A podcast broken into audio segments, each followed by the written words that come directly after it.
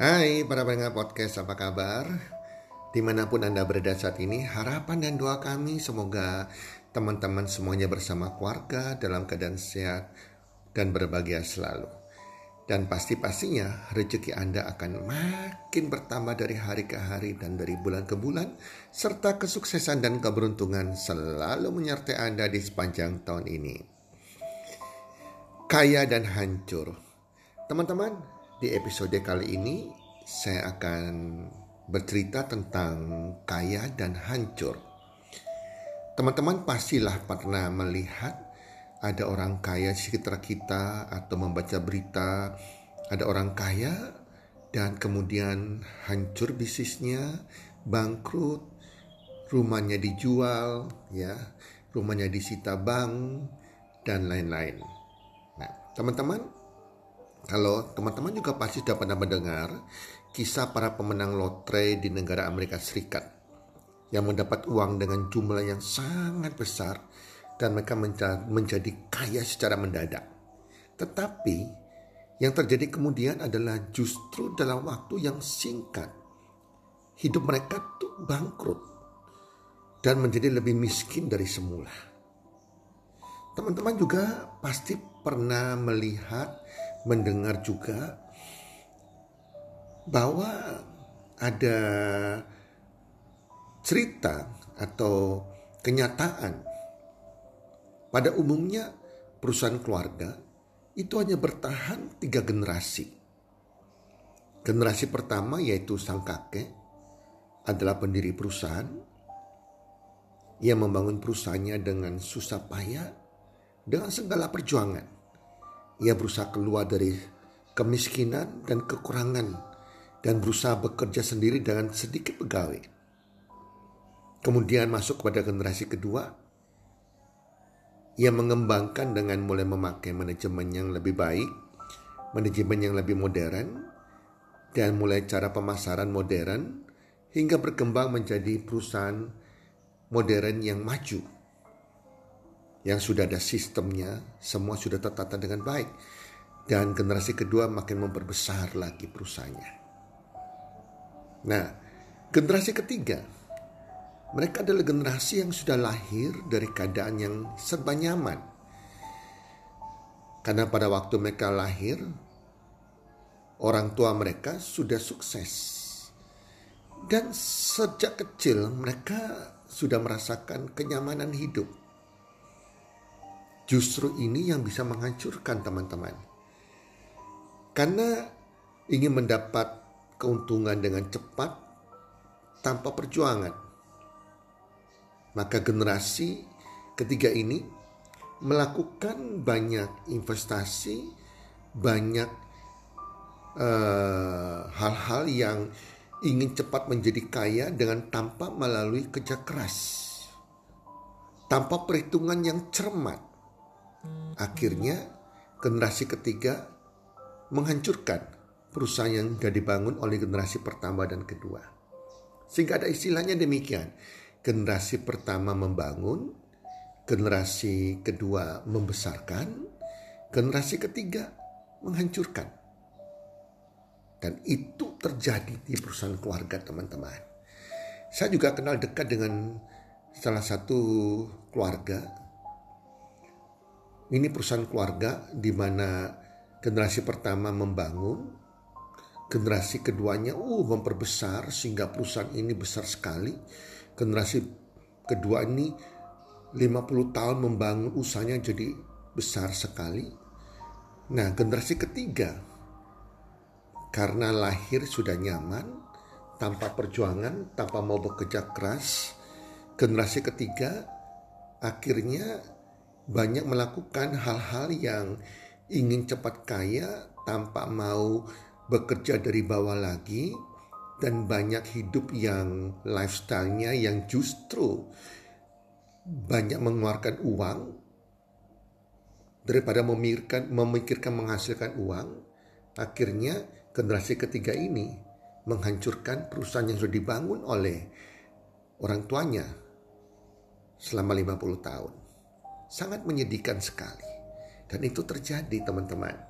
Jadi teman-teman, situasi seperti ini juga saya melihat bahwa contohnya teman-teman saya yang sudah kaya, mereka mendidik memanjakan anaknya dengan demikian manjanya. Apa pun anaknya yang mau dari kecil dengan gampangnya diberikan.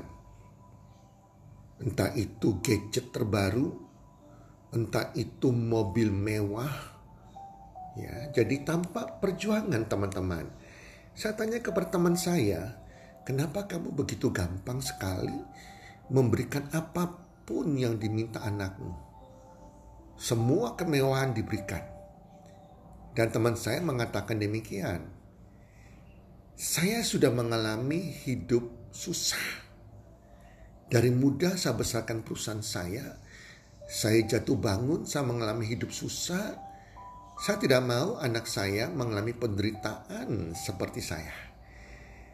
Apa pun yang saya kerjakan hari ini sampai saya jadi kaya. Sampai hari ini kan semua untuk anak-anak saya. Jadi wajarlah saya manjakan mereka dengan harta kekayaan. Mereka tidak perlu mengalami kesusahan seperti apa yang saya alami dulu. Itu kata mereka.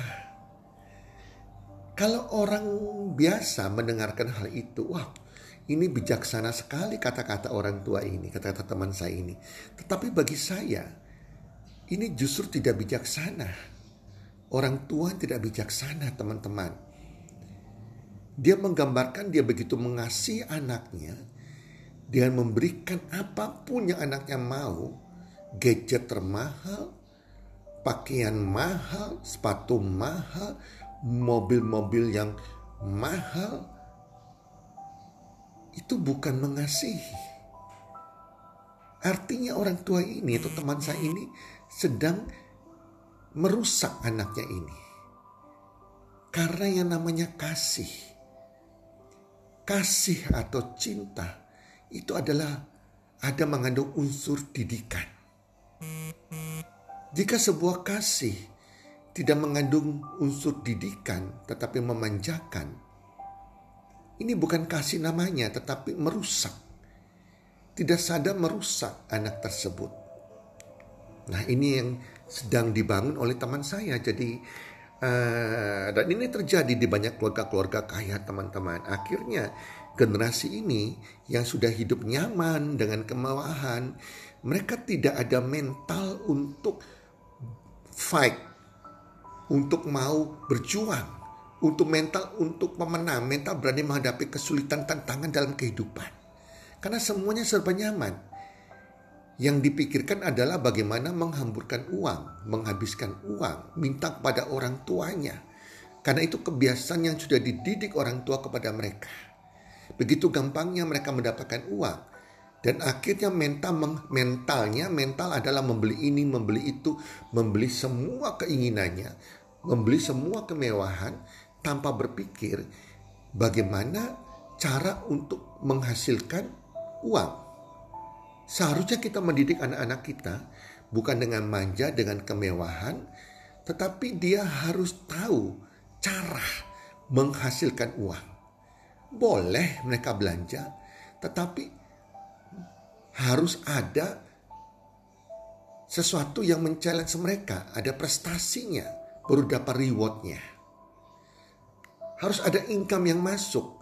Baru mereka bisa membelanjakan keinginan mereka, teman-teman. Itu yang benar. Itulah sebabnya banyak generasi ketiga yang menghancurkan. Yang salah siapa? Didikan orang tua sebetulnya. Bukan anak itu yang menghancurkan, tapi didikan orang tua yang sedang merencanakan kehancuran bagi bisnis dia, bagi anaknya. Teman-teman, jadi kalau hari ini kita dalam keadaan yang lemah, kita dalam keadaan tidak nyaman, kita dalam keadaan kurang beruntung, bersyukur sama Tuhan karena itu akan membuat suatu pelajaran hidup. Kita mau berjuang, kita mau berusaha, mau beriman mensertakan Tuhan dalam perjuangan kita untuk mencapai impian kita, impian keuangan kita, kesuksesan kita. Jadi mental perjuangan ini adalah sekolah kehidupan. Jadi bersyukur dalam keadaan Anda hari ini. Dan percaya selama Anda percaya diri Anda pasti bisa sukses. Jangan melihat keadaan Anda hari ini yang serba kekurangan, mungkin tidak punya modal, lahir dari keluarga miskin, tidak.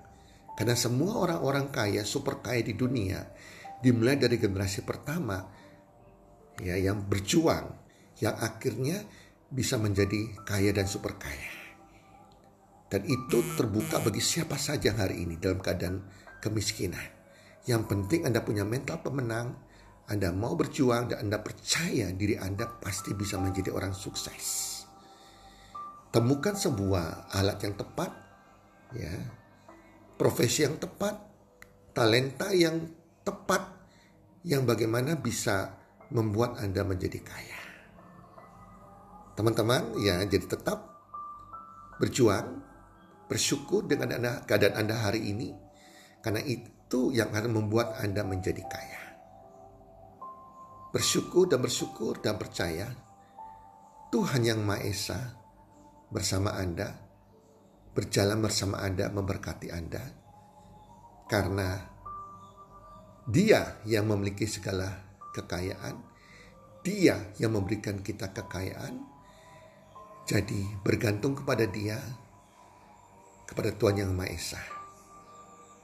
Bangun bisnis Anda bersama Tuhan Yang Maha Esa. Maka Anda akan diberkati, makin hari makin diberkati, makin bertambah rezekinya, dan makin kaya dari hari ke hari. Semoga bermanfaat sharing saya hari ini dan salam sukses. One, two, three.